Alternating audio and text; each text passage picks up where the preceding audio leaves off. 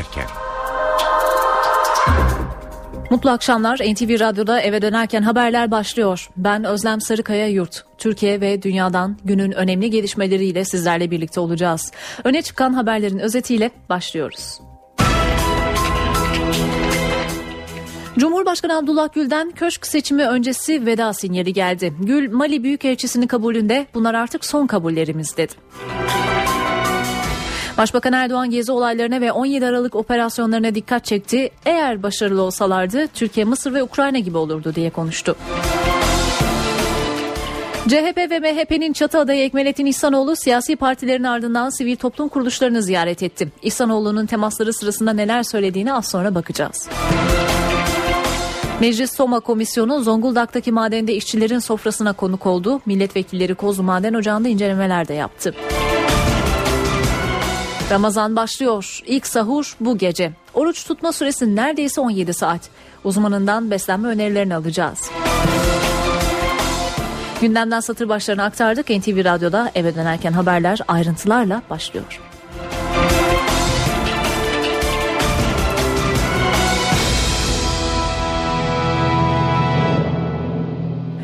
Başbakan Erdoğan İstanbul'da gündeme dair önemli değerlendirmelerde bulundu. Erdoğan gezi olaylarına ve 17 Aralık operasyonuna dikkat çekti. Eğer başarılı olsalardı Türkiye, Mısır ve Ukrayna gibi olurdu dedi. Yargıda malum bu paralel yapı denilen zihniyet çok engellemeye çalıştı. İsteseler de istemeseler de alacağız, yapacağız, gerçekleştireceğiz.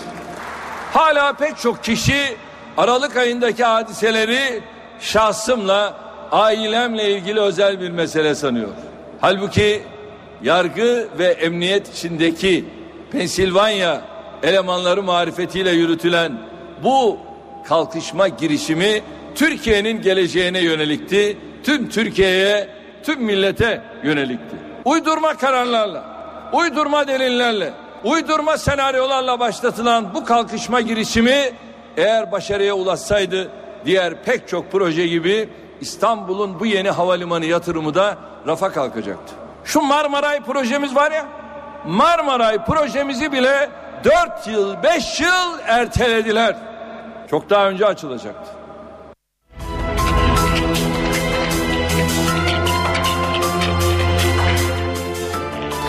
CHP ve MHP'nin ortak adayı Ekmelettin İhsanoğlu siyasi partilerin ardından sivil toplum kuruluşlarına gitti. Önce Barolar Birliği'ni ardından Kamu Emekçileri Sendikası'nı ziyaret etti. Her iki adreste de görüşlerini aktardı, muhataplarını dinledi. İhsanoğlu, toplumun değişik kesimlerinde değişim iradesinin var olduğuna inanıyorum dedi. Bu hayırlı bir başlangıçtır. Toplumun değişik kesimlerinde önümüzdeki seçimlerle ilgili bir değişim iradesi var olduğunu ve bu değişim iradesi kendisini göstereceğine inanıyorum. Sivil toplum kuruluşlarını ziyaret etti, toplumda değişim iradesinin varlığına inanıyorum dedi. Muhalefetin uzlaşı adayı Ekmelettin İhsanoğlu güne Türkiye Barolar Birliği'nde başladı. Cumhurbaşkanı olacak adaylar anayasadaki tarifini bulan Türk devletine, Türk Cumhuriyeti'ne, temel ilkelerine, anayasanın değişmeyen maddelerine saygılı olmaları lazım gelir herhangi bir adayın aleyhinde veya lehinde bir görüş bildirmemiz mümkün değildir. Ama e, çok verimli bir görüşme yaptık. Ben kendisine ve milletimize hayırlı olsun diyorum. Çıktığı yolda başarılar diliyorum. İhsanoğlu'nun ikinci durağı Kamu Emekçileri Konfederasyonu Genel Merkezi'ydi. KESK Başkanı Lami Özgen, sosyal adaletten ve demokratikleşmeden yana bir isim istediklerini söyledi. Şimdiye kadar bireyleri işaret etme ve bireyler üzerinde bir değerlendirme yapmadık. Biz e, şimdiden e, kolay gelsin yollarının açık olsun ve e, başarılar diliyoruz. Özellikle emekçilerin haklarının sağlanması ve onların insanca bir düzen içerisinde, adil bir düzen içerisinde yaşamaları Türkiye'de asgari ücretin yükselmesi Türkiye'nin çok daha mesafeler kat etmesi lazım geldiğine inanıyorum sırada Milliyetçi Hareket Partisi Ekmelettin İhsanoğlu'nun Cumhurbaşkanı adaylığı ile ilgili imzaları tamamladı. CHP'nin de imzaları tamamlamasının ardından iki parti meclis başkanlığına ortak başvuru yapacak. MHP Grup Başkan Vekili Oktay Vural, İhsanoğlu'nun adaylığına ilişkin MHP milletvekillerinin imzasının tamamlandığını duyurdu. Vural meclis başkanlığına başvurunun pazar günü saat 13'te CHP ile ortak yapılacağını söyledi. Başvuruya MHP'li vekillerin tamamı imza verdi. Cumhurbaşkanı seçiminde görev alacak memurların yıllık izni seçim tarihine göre ayarlanacak. Başbakanlık konuyla ilgili genelge yayınladı. Genelgede Yüksek Seçim Kurulu çalışmalarına tüm kamu kurumlarınca destek sağlanmasının önemi vurgulandı. Cumhurbaşkanı seçiminin her aşamasında görev alması muhtemel personelin izin planlamasının seçime göre yapılmasının zorunlu olduğu belirtildi. Çözüm sürecine ivme kazandırmak amacıyla hükümetin hazırladığı 6 maddelik paket çarşamba günü Meclis İçişleri Komisyonu'nda görüşülmeye başlanacak. Parlamento tatile girmeden de yasalaştırılacak. Muhalefetin düzenlemeye tepkisi sürüyor. CHP ve MHP sözcülerinin açıklamalarını dinliyoruz. Çözüm paketi diye adlandırılan paket e, bizce partimizce bir çözüm paketi olmaktan uzak bir yetki alma paketidir. Bu metin anayasaya ve yasalara aykırı iş ve eylem yapanlar, anayasal düzeni değiştirenler, suç işleyenlerin bu suçlarını itirafıdır. Muhalefet partilerinin meclise gönderilen çözüm paketine tepkisi sürüyor. CHP Grup Başkan Vekili Engin Altay, sorun ancak tüm partilerin uzlaşmasıyla çözülebilir dedi. Hükümete verilen yetkiye ve süreç aktörlerine yasal koruma getirilmesini eleştirdi. Hükümet tabii ki yetkili olacak ama hükümetin kullandığı yetkinin bir sınırı olur. Bir denetim olur. Hükümete hududu ve şumulu belirsiz bir yetki veriliyor. Bu da demokrasilerde kabul edilebilir bir durum değildir. MHP Grup Başkan Vekili Oktay Vural da hükümeti suçladı. Recep Tayyip Erdoğan'ın iradesinin terörist başına ipotekli olduğunu, AKP kılavuzlarının PKK'nın siyasi amaçları doğrultusunda çalıştığını ortaya koyuyor. Hükümete çözüm için adım atma yetkisi veren, sürecin yasal çerçevesini çizen paket için meclis mesaisi gelecek hafta başlıyor. Tasarı asıl komisyon olarak İçişleri Komisyonu'na, tadi komisyon olarak da Adalet ve Anayasa Komisyonlarına havale edildi.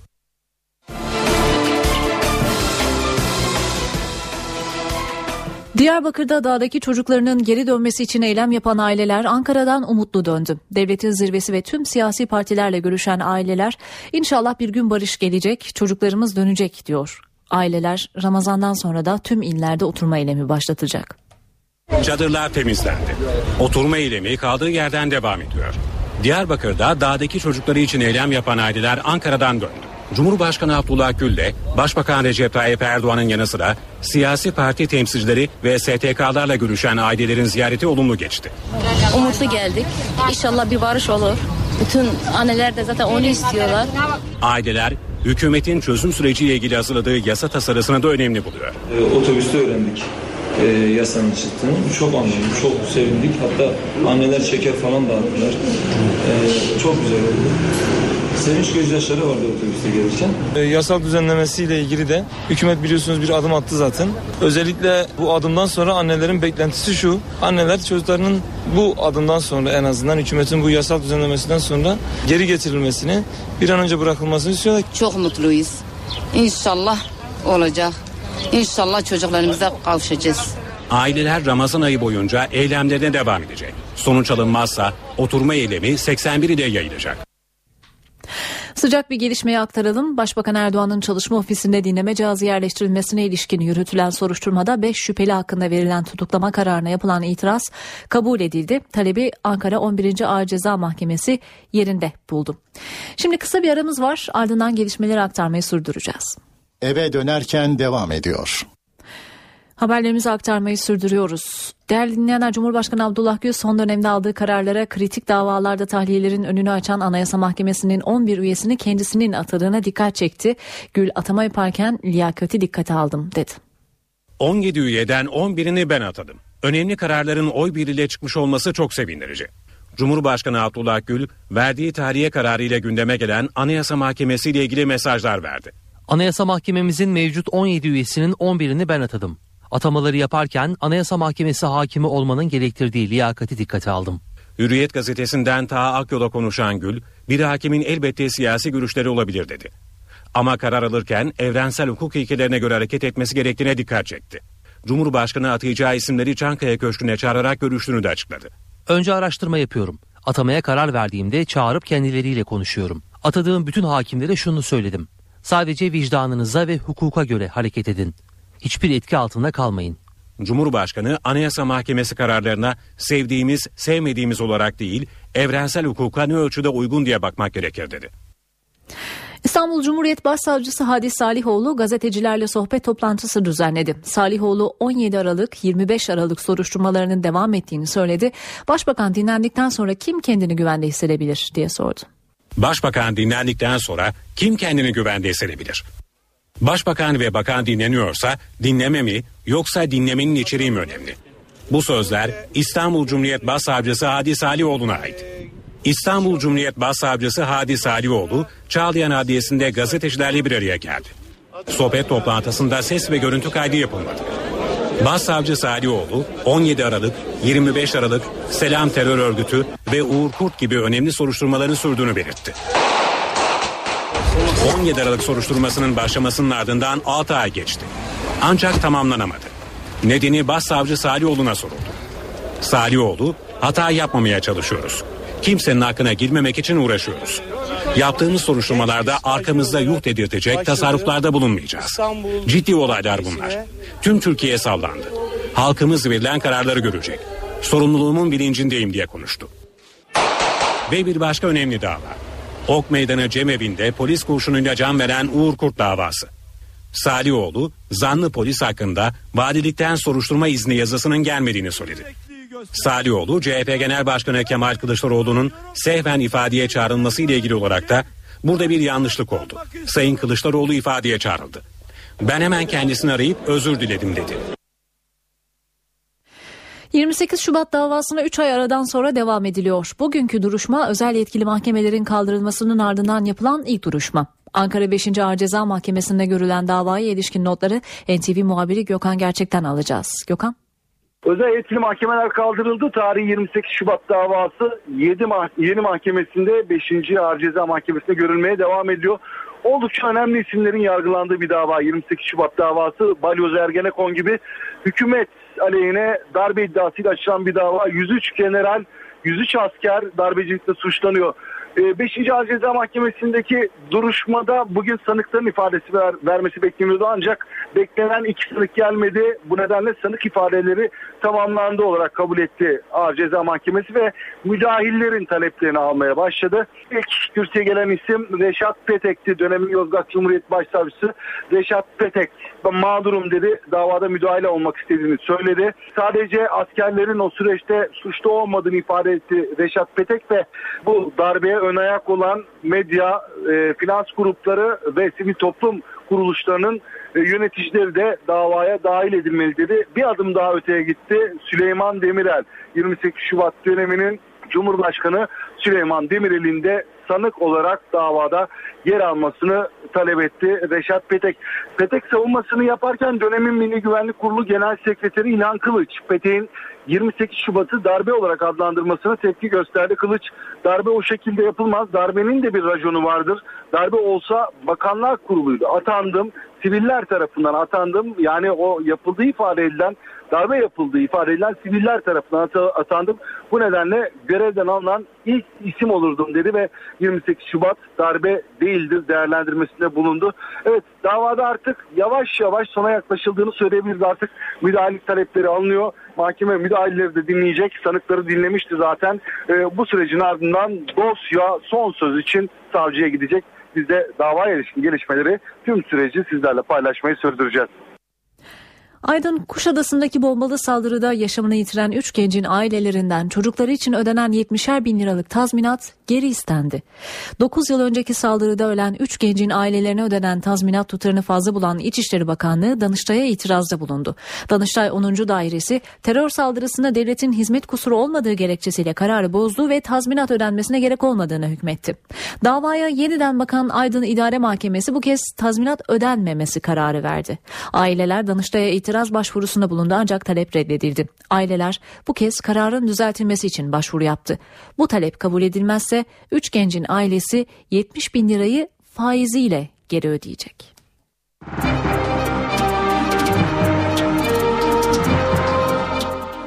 Para ve sermaye piyasalarındaki işlemlerle devam edeceğiz. Borsa İstanbul şu sıralarda 78.381 seviyesinde serbest piyasada dolar 2.12 euro 2.89'dan işlem görüyor. Kapalı çarşıda ise Cumhuriyet altın 603 çeyrek altın 147 liradan satılıyor. İstanbul yollarındaki durumu aktarmak üzere karşınızdayız. İstanbul'da sürücüleri yoğun bir trafik bekliyor. Hem E5'te hem TEM'de hem Anadolu yakasında hem Avrupa yakasında. Avrupa'dan başlayacağız E5'e bakacağız. Yeni Bosna'dan başlayan yoğunluk Haliç'e kadar yer yer devam ediyor. Haliç üzerinde trafik durma noktasına geliyor. Araçlar orada 15 kilometre ile saatte ilerleyebiliyor ve köprü çıkışına kadar bu durum devam ediyor. Karşı tarafta Altınüzade'ye kadar köprü e, trafiği yoğun tersi yöne bakacak olursak Acıbadem'den başlayan Acıbadem Köprüsü'nden başlayan bir yoğunluk söz konusu. Avrupa'ya geçen sürücüler için köprü üzerinde çözülüyor bu yoğunluk ancak Haliç'te tekrar başlıyor. Haliç'te başlayan yoğunlukta özellikle Şirinevlere kadar hatta Avcılara kadar yer yer devam ediyor. Teme bakacak olursak eğer Esenler civarından başlayan yoğunluk e, özellikle Gazi Osman Paşa civarında hafif çözüldükten sonra tekrar TOKİ konutları civarında yoğunlaşıyor. Karşıya geçene kadar hatta Anadolu yakasında Ümraniye'ye kadar bu yoğunluk devam ediyor. Ters yönde de Ümraniye'den başlayan kalabalık Fatih Sultan Mehmet Köprüsü çıkışına kadar sürüyor. Çıkışta Seyrantepe'ye kadar e, herhangi bir sıkışıklık söz konusu değil ancak Seyrantepe'de başlayan trafik Mahmut Bey gişelere kadar etkili. Eve dönerken devam ediyor. Haberleri aktarmayı sürdürüyoruz. Saat 18 eve dönerken haberler devam ediyor. Günün öne çıkan haberlerinden satır başları. Cumhurbaşkanı Abdullah Gül köşk seçimleri öncesi veda sinyali verdi. Gül Mali Büyükelçisini kabulünde bunlar artık son kabullerimiz dedi. Başbakan Erdoğan gezi olaylarına ve 17 Aralık operasyonlarına dikkat çekti. Eğer başarılı olsalardı Türkiye, Mısır ve Ukrayna gibi olurdu dedi. CHP ve MHP'nin çatı adayı Ekmelettin İhsanoğlu siyasi partilerin ardından sivil toplum kuruluşlarını ziyaret etti, destek istedi. Kılıçdaroğlu da Almanya'da İhsanoğlu için oy talep etti. Öne çıkan mesajları Ankara ve Köln'e yapacağımız canlı bağlantılarla aktaracağız. Böcek soruşturmasında 5 şüpheli hakkındaki tutuklama kararına yapılan itiraz kabul edildi. Ramazan ayı başlıyor. İlk sahur bu gece. Oruç tutma süresi neredeyse 17 saat. Uzmanından beslenme önerileri alacağız.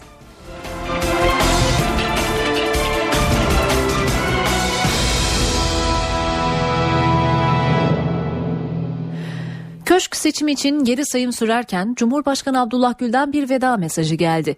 Gül, Çankaya Köşkü'nde Mali Büyükelçisi'nin güven mektubunun kabulünde bunlar son kabullerimiz biliyorsunuz dedi. Cumhurbaşkanı güven mektubunu sunmak için Büyükelçi salona girmeden önce konuştu. Habercilere tebessüm ederek bunlar son kabullerimiz biliyorsunuz dedi. Cumhurbaşkanı habercilerin soru sormasına fırsat vermeden konuğunu karşıladı.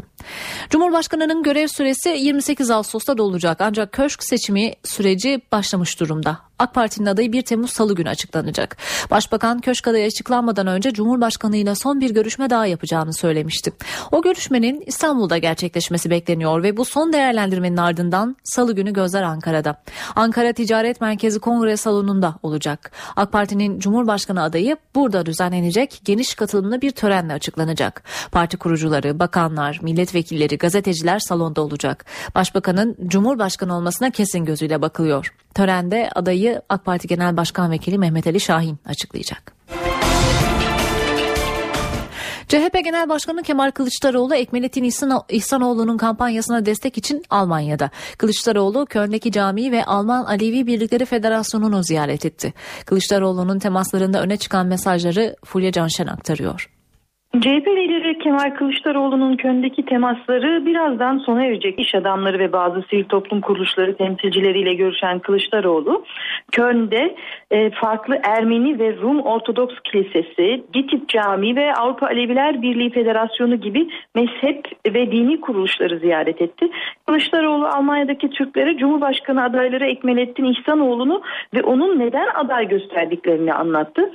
E, ayrıca Almanya temaslarında Kılıçdaroğlu Kılıçdaroğlu Cumhurbaşkanı'nın şaibesiz ve temiz olması, bölen değil birleştiren bir dil kullanması, kucaklayıcı olması gerektiğini altını sık sık çizdi.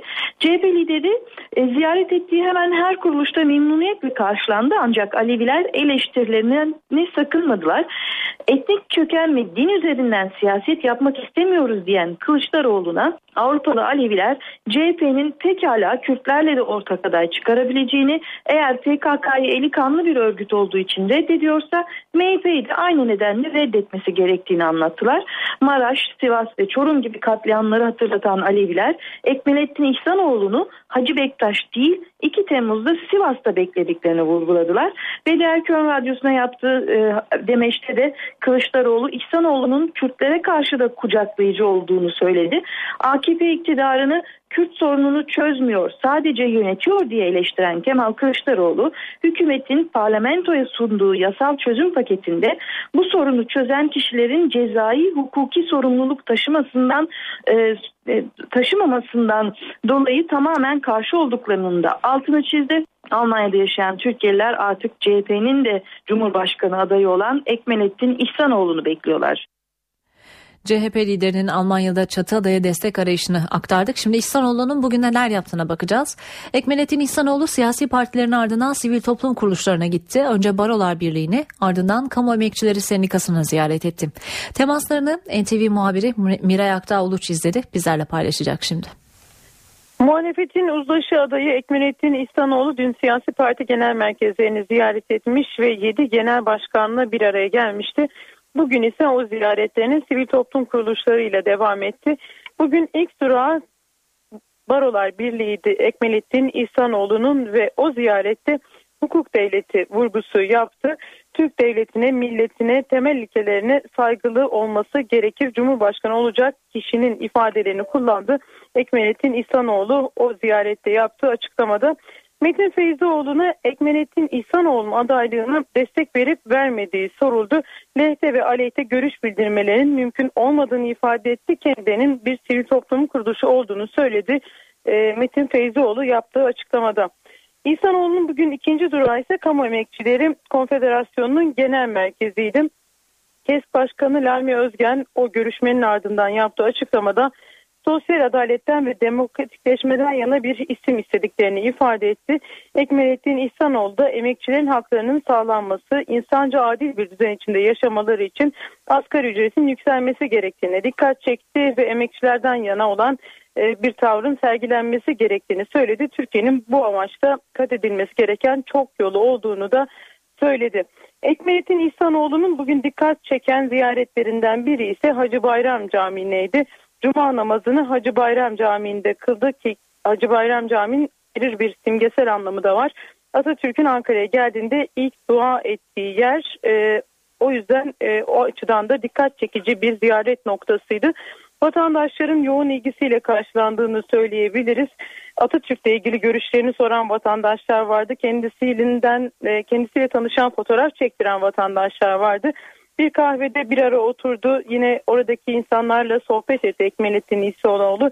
Kendisiyle fotoğraf çektirmek isteyenlerle birlikte fotoğraf verdi. Ve günün sonunda son duraklarından biri de e, Devlet Bahçeli ile yapacağı görüşmeydi. MHP Genel Başkanı Devlet Bahçeli ile aslında dün bir görüşme yapmışlardı. Bugün ise yeniden bir araya geldiler. Bu görüşmenin gerekçesi ise ortak bir deklarasyon. Ekmelettin İhsanoğlu'nun adaylığına destek veren tüm siyasi partiler bir araya gelerek bir deklarasyon yayınlamaya hazırlanıyorlar. İşte o de deklarasyonun son şeklini vermek amacıyla e, MHP Genel Başkanı Devlet Bahçeli ile bir görüşme yaptılar. Ekmelettin İhsanoğlu bugün geç saatlerde İstanbul'a dönecek. Ancak hafta başında yine yeniden Ankara'daki mesaisine devam edecek. Pazar günü mecliste adaylık başvurusu tamamlanacak CHP ve MHP tarafından.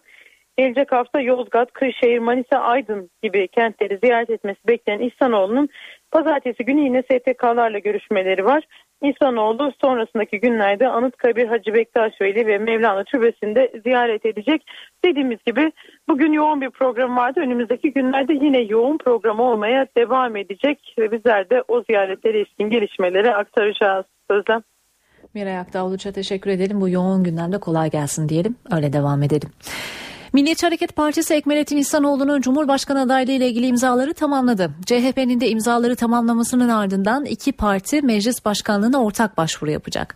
MHP Grup Başkan Vekili Oktay Vural, İhsanoğlu'nun adaylığına ilişkin CHP milletvekillerinin MHP milletvekillerinin imzasının tamamlandığını duyurdu. Vural, meclis başkanlığına başvurunun pazar günü saat 13'te CHP ile ortak yapılacağını söyledi. Başvuruya MHP'li milletvekillerinin tamamı imza verdi. Çözüm sürecine ivme kazandırmak amacıyla hükümetin hazırladığı 6 maddelik paket çarşamba günü Meclis İçişleri Komisyonu'nda görüşülmeye başlanacak. Parlamento tatile girmeden de yasalaştırılacak. Muhalefetin düzenlemeye tepkisi sürüyor. CHP ve MHP sözcülerinin açıklamalarını dinleyeceğiz şimdi. Çözüm paketi diye adlandırılan paket e, bizce partimizce bir çözüm paketi olmaktan uzak bir yetki alma paketidir. Bu metin anayasaya ve yasalara aykırı iş ve eylem yapanlar, anayasal düzeni değiştirenler, suç işleyenlerin bu suçlarını itirafıdır. Muhalefet partilerinin meclise gönderilen çözüm paketine tepkisi sürüyor. CHP Grup Başkan Vekili Engin Altay, sorun ancak tüm partilerin uzlaşmasıyla çözülebilir dedi. Hükümete verilen yetkiye ve süreç aktörlerine yasal koruma getirilmesini eleştirdi. Hükümet tabii ki yetkili olacak ama hükümetin kullandığı yetkinin bir sınırı olur. Bir denetim olur. Hükümete hududu ve şumulu belirsiz bir yetki veriliyor. Bu da demokrasilerde kabul edilebilir bir durum değildir. MHP Grup Başkan Vekili Oktay Vural da hükümeti suçladı. Recep Tayyip Erdoğan'ın iradesinin terörist başına ipotekli olduğunu, AKP kılavuzlarının PKK'nın siyasi amaçları doğrultusunda çalıştığını ortaya koyuyor. Hükümete çözüm için adım atma yetkisi veren, sürecin yasal çerçevesini çizen paket için meclis mesaisi gelecek hafta başlıyor. Tasarı asıl komisyon olarak İçişleri Komisyonu'na, tarihi komisyon olarak da Adalet ve Anayasa Komisyonlarına havale edildi. Aranın ardından eve dönerken haberleri sürdüreceğiz. Eve dönerken devam ediyor. Haberleri aktarmayı sürdürüyoruz. Başbakan Erdoğan'ın çalışma ofisine dinleme cihazı konulması ile ilgili soruşturmada 5 polisin haklarındaki tutuklama kararına yaptıkları itiraz Ankara 11. Ağır Ceza Mahkemesi tarafından kabul edildi. Soruşturmanın ilk aşamasına çıkarıldıkları nöbetçi mahkemede adli kontrol şartıyla serbest bırakılan sanık polisler hakkında savcılığın itirazı üzerine yeniden yargılama kararı çıkarılmıştı. Sanık polisler yakalama kararına itiraz etti. İtirazı görüşen Ankara 11. Ağır Ceza Mahkemesi yakalama kararını kaldırdı. Sanık 5 polis bu kararın ardından tutuksuz yargılanacak. 28 Şubat davasının 66. duruşması özel yetkili mahkemelerin kaldırılmasının ardından Ankara 5. Ağır Ceza Mahkemesi'nde görülüyor. Sanıklardan C MHP Milletvekili Engin Alan ve dönemin Genelkurmay Başkanı İsmail Hakkı Karadayı duruşmaya katılmıyor. Davaya mağdur sıfatıyla katılmak isteyen eski Yozgat Başsavcısı Reşat Petek, darbeyi teşvik eden sivil toplum örgütleri ve medya mensuplarının da davaya dahil edilmesini istedi. Dönemin Milli Güvenlik Kurulu Genel Sekreteri İlhan Kılıç, Petek'in 28 Şubat'ı darbe olarak adlandırmasına tepki gösterdi. 103 sanıklı davada bugüne kadar 99 sanık savunma yaptı. İstanbul Cumhuriyet Başsavcısı Hadis Salihoğlu gazetecilerle sohbet toplantısı düzenledi. Salihoğlu 17 Aralık 25 Aralık soruşturmalarının devam ettiğini söyledi. Başbakan dinlendikten sonra kim kendini güvende hissedebilir diye sordu. Başbakan dinlendikten sonra kim kendini güvende hissedebilir? Başbakan ve bakan dinleniyorsa dinleme mi yoksa dinlemenin içeriği mi önemli? Bu sözler İstanbul Cumhuriyet Başsavcısı Hadi Salihoğlu'na ait. İstanbul Cumhuriyet Başsavcısı Hadi Salihoğlu, Çağlayan Adliyesi'nde gazetecilerle bir araya geldi. Sohbet toplantısında ses ve görüntü kaydı yapılmadı. Başsavcı Salioğlu 17 Aralık, 25 Aralık, Selam Terör Örgütü ve Uğur Kurt gibi önemli soruşturmaların sürdüğünü belirtti. 17 Aralık soruşturmasının başlamasının ardından 6 ay geçti. Ancak tamamlanamadı. Nedeni Başsavcı Salioğlu'na soruldu. Salioğlu, hata yapmamaya çalışıyoruz. Kimsenin hakkına girmemek için uğraşıyoruz. Yaptığımız soruşturmalarda arkamızda yuh dedirtecek tasarruflarda bulunmayacağız. Ciddi olaylar bunlar. Tüm Türkiye sallandı. Halkımız verilen kararları görecek. Sorumluluğumun bilincindeyim diye konuştu. Ve bir başka önemli dava. Ok Meydanı Cemevi'nde polis kurşunuyla can veren Uğur Kurt davası. Salioğlu, zanlı polis hakkında valilikten soruşturma izni yazısının gelmediğini söyledi. Salioğlu, CHP Genel Başkanı Kemal Kılıçdaroğlu'nun sehven ifadeye çağrılması ile ilgili olarak da Burada bir yanlışlık oldu. Sayın Kılıçdaroğlu ifadeye çağrıldı. Ben hemen kendisini arayıp özür diledim dedi. Soma'daki maden faciası ile ilgili yayınlanan son raporda facianın göz göre göre geldiğini ortaya koydu. Polis kriminal ekibinin raporuna göre gaz seviyesi olaydan önce yükseldi ve bazı işçiler bayıldı. Buna rağmen herhangi bir önlem alınmadı. Soma'da 301 işinin hayatını kaybettiği maden faciasının sinyalleri kazadan kısa süre önce geldi. Olaydan 3 gün önce Ocak'ta gaz seviyesi yükseldi. 2 gün önce ise işçiler baygınlık geçirdi. Bu çarpıcı bilgiler 13 Mayıs'taki facianın yaşandığı Eynez Maden Ocağı'na ilişkin kriminal raporda yer aldı. Kamera görüntüleriyle hazırlanan rapor savcılığa ulaştı. Raporda kaza öncesi ve sonrası çekilen güvenlik kameralarının kayıtlarından yararlanıldı. Raporda olaydan iki gün önce bazı işlerin ocakta baygınlık geçirdiği, bazılarının ise halsiz göründüğü belirlendi. Ayrıca madende 3 gün önce gaz seviyesinin yükseldiği ve ocaktan duman çıktığı belirlendi. Kriminal rapora göre madendeki kamera kayıtları tanıkların ifadeleriyle örtüşüyor. Tanıklar nasıl e, burada zaman zaman gazın karbon monoksitin ve metan gazının yükseldiğini ifade ediyorlarsa ve sıcaklığın onları terletecek, bunaltacak derecede yükseldiğini ifade ediyorlarsa mevcut kamera görüntülerinin çözümüyle ilgili kriminal raporda da benzer şeyler var. Madende önümüzdeki günlerde keşif yapılacak. Olayla ilgili iddianamenin hazırlanmasının ardından açılacak davada duruşmalar Akhisar Ağır Ceza Mahkemesi'nde yapılacak.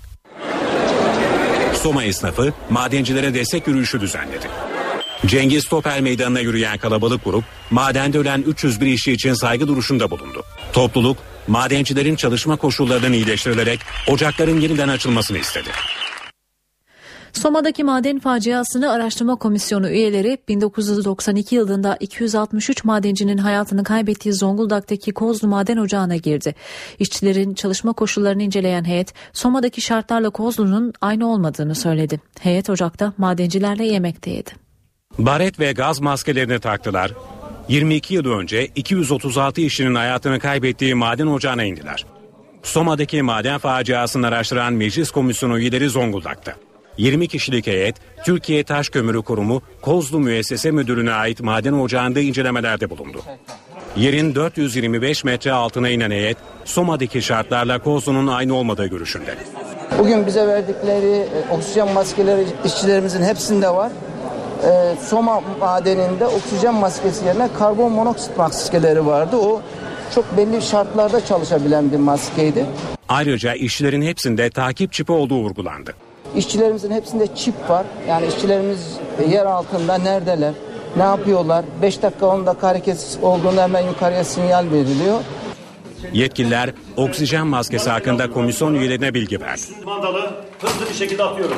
Ocakta çalışma şartlarını inceleyen heyet burada madencilerin kurduğu sofraya konuk oldu. Öğle yemeğini yerin metrelerce altında yiyen heyet ocakta iki buçuk saat kaldı. Heyet Soma'daki kurtarma çalışmalarına katılan işçilerle görüşecek. Mersin'de şişe cam işçileri Bakanlar Kurulu'nun grevi 60 gün erteleme kararını protesto etti. Yolu kapatan işçilere polis müdahale edince gerginlik çıktı. İşçilerin bağlı olduğu sendika kararın iptali için idare mahkemesine başvurdu. Mersin'de şişe cam işçilerinin eyleminde olaylar çıktı. Gerginliğe işlerin grev kararının ertelenmesi neden oldu. Şişe cama bağlı iş yerlerinde uygulanan grev, Bakanlar Kurulu tarafından Milli Güvenlik Gerekçesiyle 60 gün ertelendi. Kristal İş Sendikası üyesi bir grup işçi kararı protesto etti. Sendikanın Mersin şubesinin de toplanan kalabalık caddeyi trafiğe kapattı. Polis yürüyüşe geçen işçilere izin vermedi. İşçiler polis barikatını aşmaya çalışınca arbede çıktı. Polis arbelerin ardından işçileri dağıtmak için biber gazı kullandı. Olaylar sırasında bir işçiyle tartışan polis müdürü işçiye müdahale eden başka bir sivil polise tepki gösterdi. İşçiler daha sonra basın açıklaması yaptı. Biz buraya yakıp yıkmaya, kırıp dökmeye gelmedik. Konuşmaların ardından İstiklal Marşı okuyan işçiler eylemi bitirdi. İşçiler grevin ertelenmesinin ardından işbaşı yaptı. Sendika ise Bakanlar Kurulu'nun grev erteleme kararının iptali ve yürürlülüğünün iptali için idare mahkemesine başvurdu. Gençliğin yeni düşmanı bonsai. Bu madde beyin ve kalpte tahribat yaparak kişiyi hızla ölüme götürüyor. NTV'den Gökten Bölük İstanbul'un kıyı mahallelerinden birinde bonsai kurbanı gençlerle konuştu. Kullanmadığımız uyuşturucu kalmadı. Bonzai de bunlardan bir tanesiydi. Askere gittiğimde Bonzai ile tanıştım. Uyuşturucuyla ortaokul bittikten sonra tanıştım. İstanbul'un kıyısındaki mahallelerden birinde yaşayan 3 arkadaş. Bonzai'nin 3 kurbanı. Fiyatı ucuz ama tehlikesi büyük. Aşırı doz bonzai kalp kaslarını anında iflas ettiriyor ve ölüm getiriyor. İçiyon felçli bir insan gibisin. Sanki ruhun seni terk etmiş. Yani bütün duygularını kaybetmişsin. Uyuşturucu nedeniyle ikisi hiç iş bulamamış. Diğeri ise ailesinin mağazasında çalışıyor. Beni iptal etti işte abi. Oturduğum yerden kalkamaz hale getirdi. Gözlerimi çukurlaştırdı, hayata bakış açımı değiştirdi, her şeyden soğuttu. Annemi çok üzdüm ben. İnşallah bana hakkını helal eder. Çünkü bana gerçekten hakkı olan bir insan varsa o da annem. İnşallah hakkını helal eder. Ben çok üzdüm annemi. Çok savundu beni. Belki de en acısı arkadaşlarının ölümünü görüp yine de kullanmaya devam etmek. Ölen insanlar oldu ama nefes aldığı halde ölü gibi yaşayan bayağı insan oldu abi. Yani ben bir mücadelenin içindeyim. Hem kendimle mücadele ediyorum hem hayatla mücadele ediyorum. Uyuşturucuyla mücadelede aileleri hep yanlarında oldu. Onlar olmazsa başaramayız diyorlar. Bir insan olmalı ki sana sebep olmalı. Yoksa yani burada gözünde bir duvar olduğunu canlandır. Yaslan o duvar yok düşersin. O duvarı bulman lazım abi. Yaslanacaksın yani. Şimdi tek istekleri sonsuza dek uyuşturucudan, bonzai'den uzak kalmak ve bir daha geriye bakmamak. Bir insan yani anasının, kardeşinin gözünden düşen damlaya anlamsız bakabiliyorsa ya zaten yaşamıyordur ki abi. Ölmüştür zaten o artık. Diyarbakır'da madde bağımlılığıyla mücadele platformu kuruldu. İlk toplantıda uyuşturucuya geçit verilmemesi yönünde karar alındı. İlk hedef sokak satıcıları olacak. Diyarbakır'da sivil toplum örgütleri uyuşturucu satışı ve bağımlılığına karşı harekete geçti. Kentin ileri gelenleri ve 23 STK'dan oluşan Diyarbakır Madde Bağımlılığıyla Mücadele Platformu kuruldu. Diyarbakır Barosu platformun ilk toplantısında madde bağımlılığı ile ilgili soruşturmaların büyük kısmının çocuklarla ilgili olduğunu açıkladı. Katılımcılar artan uyuşturucu bağımlılığına karşı mücadele kararı aldı. Açıkçası bu kentin bütün dinamikleri, bütün sivil toplum örgütleri, duyarlı kesimleri ben de varım derse kesinlikle madde bağımlılığı yok olacaktır. Diyarbakır Büyükşehir Belediyesi'nin hedefinde sokak satıcıları var. Madde bağımlılığı ile ilgili eğitilen belediye personeli de sokak satıcılarına karşı tetikte. Bu işten elde edilen her para sonuna kadar haram bir paradır. Kim yapıyor olursa olsun, işin içerisinde kim olursa olsun bu kent dinamikleri sonuna kadar bunun arkasında olacaktır. Bu açıdan kentimizden elinizi çekin diyoruz. Eğer siz elinizi çekmezseniz bu kent dinamikleri o eli kırabilecek güçtedir. Ramazan ayı bu gece kılınacak teravih namazıyla başlıyor. İlk oruç için bu gece sahura kalkılacak. Bu yıl oruç süresi neredeyse 17 saat. Hava sıcaklığını da buna eklersek zorlu bir ay olacağını söylemek mümkün. Peki Ramazan'ı sağlıklı geçirebilmek için nasıl beslenmeli? İftarda ve sahurda neler yenmeli? Doktor Süleyman Uraz'ın önerilerini dinliyoruz. Normal öğünlere göre, normal günlere göre tabi Ramazan, sahur ve iftar özellik arz ediyor. Farklı bir beslenme tarzı. Çok uzun bir süre aç kalıyoruz ve akşam gün boyu hazırlanan yemeklere saldırıyoruz. Bu tür bir beslenme tabi yanlış. Sahurda özellikle e, bizi tok tutacak ama sus, susatmayacak. E, daha hafif yiyecekler tercih etmek lazım. Mesela haşlanmış yumurta, az tuzlu zeytin ya da peynir, yeşillikler, mesela yeşil biber, salatalık gibi e, tercih etmekte yarar var. Ve bu o, şeyde bu öğünde sahurda az tuzlu yemek önemli. Yani ne kadar su içerseniz için gün boyu fazla tuz almışsanız fazla yağlı yemişseniz susamanız daha kolay olur. Uzun süre açlık sonrasında akşam e, bir sürü hazırlanan özenle hazırlanan yemeklerin hepsini tüketmek gibi bir e, gayrete girmemek lazım. Hı hı. Öncelikle bir çorbayla başlamak lazım. Yani bir bardak su ve çorba. Çorba neden çorba? Çünkü mideyi rahatlatır. Mideden boşalması kolay olur ve kan şekerini çok fazla olmamak üzere hızlı yükseltir. Ve böylece siz doyuma e, doygunluk hissi hissedersiniz. Yani kan şekeriniz ya yükselecek ya mideyi şişirene kadar yiyeceksiniz hı hı. doygunluk için. Hı hı. E, biz yavaş yersek ve sulu gıdalar tercih edersek başlangıçta kan şekerimiz yavaş bir şekilde e, yükselir ve doygunluk hissederiz. Peki ondan sonra ne yapacağız? İşte beslenmenin esas şeyi o, ondan sonra yani yavaş yiyeceğiz ve çok karıştırmayacağız. Yani zeytinyağlı yemek yapılmışsa zeytinyağlı, sebzeli yapılmışsa sebzeli. E, et yemeği varsa tamam et yemeğini tercih edelim.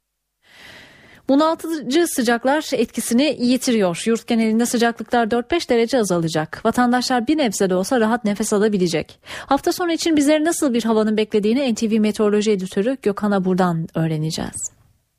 İyi akşamlar. Batı Karadeniz Marmara ve Kuzey Ege'de kuvvetlenen Poyraz sıcaklıkları birkaç derece azalttı. Hafta sonu daha da kuvvetlenecek Poyraz'da 4-5 derece daha azalmasını bekliyoruz. Ama sıcaklıklar yine de ortalamalar üzerinde olacak. Güney Ege, Akdeniz ve Güneydoğu'da ise sıcak hava etkisini sürdürmeye devam edecek. Yarın Batı Karadeniz'in iç kesimleriyle Orta Karadeniz'deki yağışlar aralıklarla devam ederken Doğu Anadolu'nun doğusunda yerel yağışlar başlayacak. Gün içinde Ankara'nın kuzey ilçeleri, Sivas ve Kayseri civarında da hafif yağışlar görülebilir. Pazar günü Rize, Artvin ve Doğu'da Erzurum, Kars, Ardahan, Ağrı arasında yağış var. Gün içinde Anamur, Mersin ve Bolu civarında hafif yağışlar görülebilir. Pazartesi günü Doğu Karadeniz ve Doğu Anadolu'daki yağışlar aralıklarla devam ederken İç Ege, Batı Akdeniz ve Marmara'nın doğusunda artacak bulutlanma hafif de olsa yağış bırakacak. İstanbul'da bu akşam saatlerinde hafif de olsa bir yağış geçişi var. Hafta sonu Poyraz kuvvetlenecek hava serin. Sıcaklık ise 27 derece civarında olacak. Ankara'da yarın sıcaklık 33 derece. Akşama doğru kentin kuzeyinde kısa süreli yağışlar görülebilir. İzmir'de hafta sonu rüzgar oldukça sert. Sıcaklıklar 34 dereceye iniyor. Akşamları serin geçebilecek hafta sonu için. Hepinize iyi bir hafta sonu diliyorum. Hoşçakalın. Gölcük Donanma Komutanlığı'ndan 3 ay önce yola çıkan Barbaros Türk Deniz Görev Grubu yurda döndü. 4 gemi Afrika kıtasını dolaşıp 24 ülkeye uğradı. Yüzlerce bahriyerinin yakını kavuşma anında sevinç gözyaşları döktü. 17 Mart'ta Türkiye'den yola çıktılar. 15 bin deniz mili yol kat ettiler, 24 Afrika ülkesine uğradılar. Görevi layıkıyla başardık. Ee, başımız dik, alnımız ak şekilde e, limana adet ettik. Mahallelerimizde buluştuk. E, gayet mutluyuz. Personel taburda emir ve görüşünüzde hazırdır komutanım. 4 gemi, 2 fırkateyn ve lojistik destek gemilerinden oluşan Barbaros grubunda 800'den fazla askeri personel görev aldı. Kelimelerin boğazımıza düğümlenden yani çok mutluyuz. Ben diyecek. Planınız var mı 102 gün sonra? Bir izin düşünüyoruz. 102 gün önce hüzünlü bir havanın hakim olduğu Gölcük Donanma Komutanlığı'nda bu defa sevinç ve gurur vardı. Bıraktığımda iki aylıktı. Şimdi beş buçuk aylık olmuş. Bayağı değişmiş, büyümüş. Nasıl buldunuz 102 gün sonra? Valla beni tanımadı büyük ihtimalle ama inşallah tanıyacak bakalım zaman geçtikçe. Tabii gurur duyuyorum eşimle. Gittiler görevlerini tamamladılar. Öyle şu an çok mutluyuz. Yani öyle bakalım. İnşallah e, bundan sonra hiç ayrılmayız. Barbaros grubu 148 yıl aradan sonra Ümit Burnu'nu geçen ilk Türk ekip oldu. Para ve sermaye piyasalarındaki işlemler. Borsa İstanbul günü 78.472 puandan tamamladı. Serbest piyasada dolar 2.12, euro 2.89'dan işlem gördü. Kapalı çarşıda Cumhuriyet altın 603, çeyrek altın 147 liradan satıldı. Saat 18.31 öne çıkan haberlerin satır başlarını hatırlatacağız. Başbakan Erdoğan 17 Aralık operasyonuna dikkat çekti. Eğer başarılı olsalardı Türkiye, Mısır ve Ukrayna gibi olurdu dedi. Paralel yapıyı sert sözlerle eleştiren başbakan, yargı ve emniyet içindeki Pensilvanya elemanları marifetiyle yürütülen kalkışma girişimi Türkiye'nin geleceğine yönelikti dedi. Böcek soruşturmasında 5 şüpheli hakkındaki tutuklama kararına yapılan itiraz kabul edildi. Kuzey Irak Bölgesel Kürt Yönetimi lideri Mesut Barzani, Kerkük başta olmak üzere peşmergelerin iki hafta önce girdiği bölgelere ilişkin önemli açıklamalarda bulundu. Barzani, girdiğimiz yerlerden geri çekilmeyeceğiz dedi. Satır başları böyleydi. Kısa bir aranın ardından devam edeceğiz. Eve dönerken haberlerde yine haber başlıklarımızı aktarmayı sürdürüyoruz. Kuzey Irak Bölgesel Kürt Yönetimi Başkanı Mesut Barzani, Irak'ta statüsü belirsiz bölgelerle ilgili sorun kalmadığını söyledi. İngiltere Dışişleri Bakanı William Hague, Erbil'de Barzani ile görüştü. Görüşmenin ardından düzenlenen ortak basın toplantısında Mesut Barzani, merkezi yönetimle bölgesel Kürt yönetimi arasında anlaşmazlık konusu olan bölgelerle ilgili artık bir sorun kalmadığını belirtti. Barzani, Irak Şam İslam Devleti örgütünün ilerleyişine karşı peşmergelerin girdikleri bölgelerden çekilmeyeceklerini de söyledi. İngiltere Dışişleri Bakanı ise Londra'nın bölgesel Kürt yönetimiyle ilişkilerini geliştireceğini açıkladı. Dışişleri Bakanı Ahmet Davutoğlu Ukrayna'da 26 Mayıs'ta kaçırılan Avrupa Güvenlik ve İşbirliği Teşkilatı gözlemcisi Mehmet Kılıç'ın Türkiye'nin yoğun girişimleriyle serbest bırakıldığını söyledi. Davutoğlu Kılıç'ın bu gece yarısı ailesiyle buluşacağının haberini verdi. Ahmet Davutoğlu'na Irak'ta kaçırılan Türklerle ilgili son durumda soruldu. Alanda ciddi bir çalışma yürütüldü ve dün gece saat 2'de çok güzel bir haber aldık. Biz güzel haber aldıktan sonra bizzat o kaçırılan vatandaşımızın sesini duymadan herhangi bir duyuruda bulunmuyoruz. Sabaha karşı kendisiyle konuştum Sayın Mehmet Kılıç'la. Ee, şimdi bulunduğu yerden e, inşallah önce Viyana'ya geçecek. Ee, özel bir uçakla e, inşallah Viyana'dan uçakta doktorumuz da olacak. Sayın Başbakanımızı da sabahın erken saatlerinde bilgilendirdik. Ee, inşallah bu gece yarısı sahur vaktinde Ramazan ilk gecesi sahurdan hemen önce ve hemen sonra inşallah ailesiyle buluşma imkanı olacak olağanüstü bir gecikme ya da erken olma durumu olmazsa inşallah böyle güzel bir haberi de Irak'ta alıkonulan diplomatlarımız, şoförlerimiz için almayı ümit ediyoruz. Gece gündüz çalışıyoruz. Ee, bütün imkanlarımızı değerlendiriyoruz ama tabii belli zorluklar olduğu da herkesin dikkatinde olmalıdır. Bunlar kolay mücadeleler değil, e, kolay çabalar değil. İnşallah en kısa zamanda da güzel bir haber Irak'tan almayı ümit ediyoruz. Avrupalı liderler Avrupa Birliği Komisyonu Başkanlığı'na Jean-Claude Juncker'in atanmasını önerdi. Brüksel'deki zirvede eski Lüksemburg Başbakanı ve Euro bölgesi başkanı olan Juncker, İngiltere'nin itirazına rağmen liderlerin büyük çoğunluğunun desteğini aldı. Ayrıntıları Brüksel temsilcisi Güldener Sonumut'tan öğreneceğiz. Güldener, Merkel'in dediği oldu diyebilir miyiz? Merkel'in dediği olduğunu açık bir şekilde dile getirebiliriz Özlem. Zira Avrupa Parlamentosu seçimlerinin ardından parlamentodaki en büyük e, siyasi gruba sahip olan Hristiyan Demokratların lideri Lüksemburg eski Başbakanı Jean-Claude Juncker Avrupa Komisyonu Başkanlığı görevine aday idi ve adayını resmen açıkladı. O noktada İngiltere şiddetle e, karşı çıktı Juncker'in adaylığına ve İngiltere'ye destek veren aralarında Almanya'da bulunduğu toplam 8 ülke vardı. Ancak özellikle İngiltere Başbakanı Cameron'ın Juncker'e yönelik olarak yapmış olduğu sert açıklamalar ve cephelerden dolayı e, İngiltere yavaş yavaş müttefiklerini kaybetti ve en önemli müttefiki kuşkusuz Almanya'ydı. Bu durumda İngiltere tek başına kaldı konseyde ve yeni anlaşmalar gereği artık bu konudaki adayların belirleme sürecinde hiçbir üye ülkenin veto hakkı bulunmuyor. İngiltere tek başına Juncker'in adaylığına karşı çıktığını açıkladı ancak bunun Juncker'in adaylığını engellemek için yeterli olmadı. Juncker Türkiye'nin AB üyeliğine tek sıcak bakan bir kişi olarak bilinmiyor ancak Avrupa Komisyonu Başkanı olduktan sonra zamanla e, diplomatik kaynaklar Juncker'in Türkiye-AB dosyasının önemine haiz olacağını ve bu çerçevede yavaş yavaş Türkiye'nin AB üyeliğine kurumsal açıdan ve hukuki açıdan sahip çıkmak mecburiyetinde kalacağını hatırlatıyorlar. Güldener Sonumut aktardı. Biz de böylelikle kısa bir araya gidiyoruz. Saat başına tekrar sizlerle olacağız. Eve dönerken devam ediyor.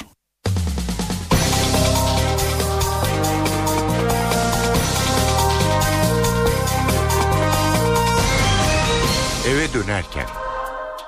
Saat 19 eve dönerken haberlerde günün öne çıkan başlıklarını aktaracağız. Başbakan Erdoğan 17 Aralık operasyonuna dikkat çekti. Eğer başarılı olsalardı Türkiye, Mısır ve Ukrayna gibi olurdu dedi. Paralel yapıyı sert sözlerle eleştiren Başbakan, yargı ve emniyet içindeki Pensilvanya elemanları marifetiyle yürütülen kalkışma girişimi Türkiye'nin geleceğine yönelikti dedi. Köşk seçimi için geri sayım sürerken Cumhurbaşkanı Abdullah Gül'den bir veda mesajı geldi. Gül Çankaya Köşkü'nde Mali Büyükelçisi'nin güven mektubunu kabulünde bunlar son kabullerimiz biliyorsunuz dedi. CHP ve MHP'nin çatı adayı Ekmelettin İhsanoğlu siyasi partilerin ardından sivil toplum kuruluşlarını ziyaret etti, destek istedi. Kılıçdaroğlu da Almanya'da İhsanoğlu için oy talep etti.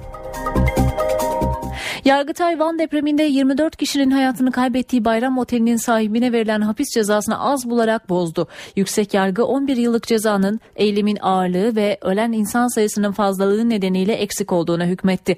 Otel sahibi yerel mahkemede yeniden hakim karşısına çıkacak. Avrupalı liderler Avrupa Birliği'nin yürütme organı olan komisyonun başkanlığına Lüksemburglu Jean-Claude Juncker'in atanmasını istedi. İstanbul trafiğiyle devam ediyoruz. Yollardaki yoğunluk artmış durumda. Özellikle E5 ve TEM'de Avrupa yakasında yüksek derecede yoğunluk var. E5'ten başlayacağız. Çoban Çeşme'de başlıyor yoğunluk. Şirinevlere kadar devam ediyor. Daha sonra hafif açılıyor trafik. Ancak Haliç girişinde başlıyor tekrar yoğunluk. Köprü çıkışına kadar devam ediyor Boğaziçi Köprüsü'nde. Anadolu yakasından Avrupa yakasına geçmek isteyenler ve bu geçişte Boğaziçi Köprüsü'nü tercih edenler içinse Acıbadem Köprüsü'nden başlıyor trafik. Köprü ortasında yavaş yavaş açılıyor.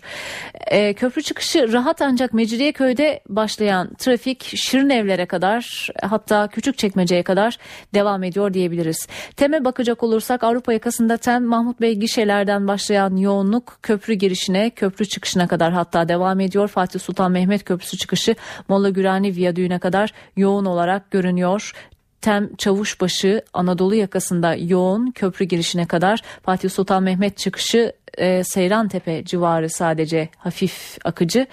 Daha sonra Seyrantepe sonrası e, Hastal'a kadar hatta e, daha da uzun Gazi Osman Paşa'ya kadar bir yoğunluk söz konusu. Gazi Osman Paşa'da kısa bir mesafe rahatlıyor ancak ardından Mahmut Bey gişelere kadar yoğunluk devam ediyor. Eve dönerken haberleri burada noktalıyoruz. NTV Radyo'da kısa bir aranın ardından Kemal Yurter'in hazırlayıp sunduğu Muhabirden programını dinleyebilirsiniz. Hoşçakalın.